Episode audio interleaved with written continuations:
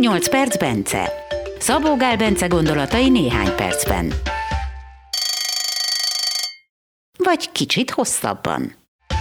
Szabó Gál Bence étrendkiegészítőket és egészséges élelmiszereket fejleszt. Egészséggel, gyógynövényekkel, táplálkozás és testmozgással kapcsolatos kutatásokat folytat. Érdeklődik a buddhista filozófia, a meditáció, tradicionális gyógyászati rendszerek iránt. Bence filozófiája, mindenen lehet javítani, csak azon nem, ami nincs. Azt viszont meg kell csinálni. Induljon a következő 8 perc. Vagy kicsit több.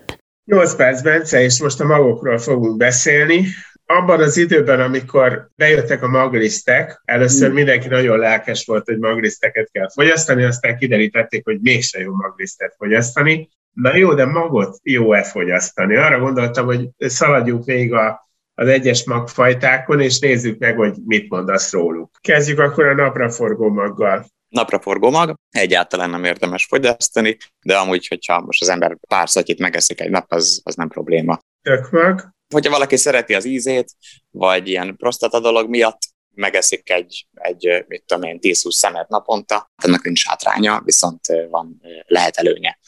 Vagy egy ilyen kis kanálnyi olívaolaj valamire, is szereti. Akkor menjünk a magyarókra, kezdjük mondjuk a földi magyaróval. Földi magyarót azt abszolút érdemes elkerülni, maga az olaja az nem problémás, mert abban nincsenek benne azok az allergén fehérjeszerű komponensek, amik, amiktől veszélyes, de az egy hüvelyes, tehát az valójában nem egy olajos mag, hanem egy hüvelyes, tehát ilyen szempontból kakuktojás, és az olaj egyébként magas omega-6 tartalmú, tehát ezért nem érdemes használni az olaját, maga a magas pedig ugye hát az egyik legallergénebb dolog, ami létezik, de amúgy is teli van olyan anyagokkal, mint mondjuk a szója kategóriája, hogy így érdemes teljesen elkerülni nyomokba, se ha lehet, de az nem baj baj azért, hogyha valaki nem allergiás a nyomokba.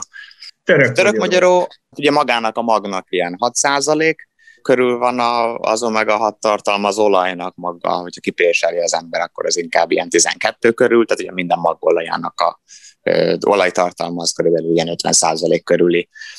Szóval a török magyaróban egyébként szintén vannak ö, ilyen polifenolok abban is, amik, amik hasznosak, érdemes azt is blansírozva, de az teljesen jó, abból nyugodtan lehet minden nap is enni, egy-egy marékkal belefér, mármint egy napi egy ilyen, tehát mit tudom én, 30 gram egy nap, az oké. Okay. Tehát annyi, amennyi a fekete csokiba úgy benne van, vagy a piros magyarosba, az, az, az, az, annál is lehet többet tenni. Tehát cukor a gond benne a, nem a török mogyi. Tehát az, az egyik legjobb a közé tartozunk. Mandula, török mogyi és a makadámi. Akkor vegyük a dióra. A dió, Na most a, a, a dióban ugye nagyon sok hasznos, mármint egy rengeteg vercetin, meg egyéb, egyéb ilyen flavonoid van, amik kifejezetten hasznosak. Ugye hát az omega-3 tartalmát szokták említeni, de igazából egyrészt nincs is benne sok, azt hiszem, hogy egy a négy az arány, tehát hogy jóval több benne az omega-6, mint az omega-3, és ugye növényi omega-3 van benne, úgyhogy maximum annak éri meg, aki egyáltalán nem fogyaszt halolajat vagy tengeri herkentyűket, tehát nem jut rendes omega-3-hoz, és egyébként nagyon rossz az omega-6, omega-3 aránya, és a diónak az a nem túl jó aránya, de nem is rossz, az is javít ezen. Tehát a zsírsav aránya az jónak tűnik, de, de nem az viszont vannak benne hasznos tápanyagok, és annyira azért nem rossz a zsírsav aránya, hogy ne együk. Úgyhogy összességében, amíg csak naponta pár szem diót teszünk úgy átlagosan, addig előnye van, hogyha minden nap így több maréknyi diót eszünk, akkor meg már inkább hátránya lesz. A dióknál még, még maradt. Egyrészt van a kedvenced a makadámi dió. Hát az fantasztikusan a kb. egy százalék az omega-6 tartalma, tehát az egyébként van benne egy, az is nem szoktak róla egyáltalán beszélni, pedig tök jó dolog, de az Omega 9 mellett, arról szoktak beszélni, ez is jó dolog, az ilyen viszonylag semleges, rengeteg Omega 7 van benne, nincs igazán még előtérben, de el lehet róla mondani pár jó dolgot, tehát ilyen gyulladás csökkentő hatású az is, meg, meg hasonlók. Tehát annak ritka jó a zsírsav profilja, azt hiszem, hogy talán a természetben létező legjobb zsírsav profillal rendelkezik növényi, állati, bármilyen zsíradékforrást tekintve, kókuszsírral vetekedhet, meg a különböző tengeri dolgokkal, mint halolaj, meg ilyenek, de más szempontból jó. De hogy, hogy az, az egy, egy tökéletes zsírsav Ugye, mert halolajból csak keveset szabad, azt ilyen vitaminként érdemes tekinteni, de a makadámi dióolajra lehet nyugodtan kalóriaforrásként tekinteni, sőt, érdemes is, ahogyan igaz ez a kókuszra is, meg kókuszsírra. És sajnos nagyon drága ugye a, a makadámi dió. Az olaja az nem is tudom, hogy kapható-e, de biztos, hogy megfizethetetlen lenne, és nem, nem lenne érdemes benne főzni. Amúgy, ha nem számítana a az ár, akkor tökéletes lenne sütésre is. Úgyhogy igen, a makadámi dióból bármennyit lehet. Nem láttam sohasem vizsgálatot a, a fitát tartalmáról, de a nagy felülete és a, a színe, többi alapján azt lehet mondani, hogy biztosan, hogy alacsony. Pekendió? Hasonló kategóriájú, mint a sima dió, de rosszabb annál. Zsírsav profilban egyértelműen rosszabb nála, és, és kevésebbet vizsgált. Én nem is tudom, hogy igazából hogy vizsgált, tehát én nem láttam arról ilyen kvercetére, műcérre, ilyesmikre vonatkozó adatot, tehát hogy milyen uh-huh. hasznos hatóanyagok vannak benne. Lehet azt, hogy van benne ugye a ránézésre, meg a színéből, ízéből következtetve biztos van benne, csak nem annyit vizsgált, mint a dió. Van most még két nagyon népszerű, az egyik a Cashew dió.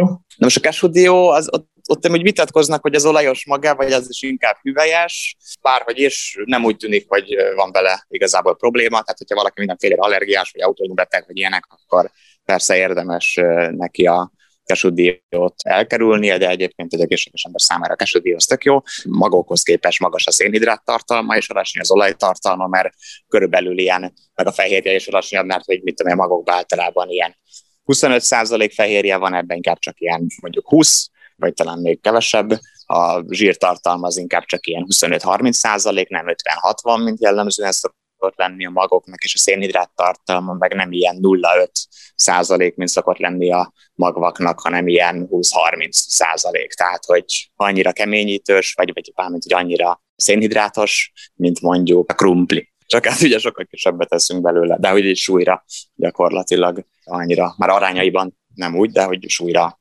annyit tartalmaz nagyjából, hogy még több.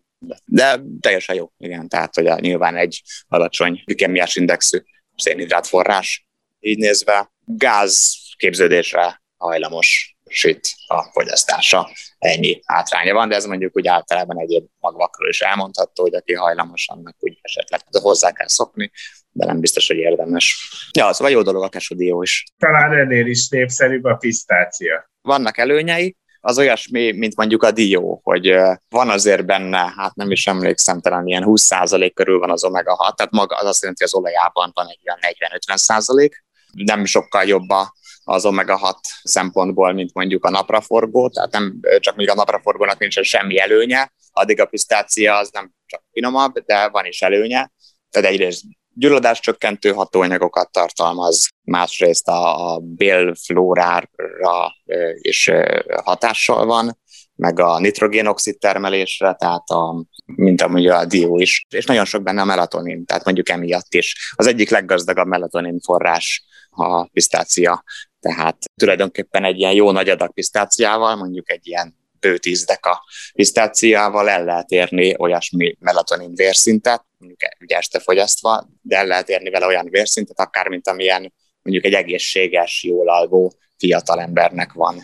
És a melatonin az nagyon hasznos, tehát hogy nem ebben most nem megyek bele, de hogy ez az ilyen, ilyen egyenletes felszívádású, alacsony dózisú melatoninnek ennek szerintem lesz majd jövője, és kezdik kutatgatni. Emiatt is egy érdekes dolog a, a pisztácia, a, meg a mondjuk a, a vörös húsoknak van egy ilyen feltételezett negatív hatása, ami szerint a tulajdonképpen ez igaz, hogy ezt a TMO szintet növeli, a TMO szintetnek a bér, a lényeg, hogy a bérflórát el tudja tolni, és aki erre hajlamos, annak a pisztácia is egyébként, meg az olívaolaja is, meg az ilyen érleltetszett fajták, ezek is segítik ezt megelőzni, hogy ez mennyire fontos, arról vannak viták de van mondjuk egy ilyen előnye is. Tehát a lényeg az az, hogy a pisztácia fogyasztásnak sok potenciális előnye van, viszont a, a zsírsav profiljánál fogva vannak hátrányai, de nyilván pisztácia olajat azt nem érdemes, mert ugye semminek az olaját így külön kipréselve nem érdemes, ami jó meg a hatos,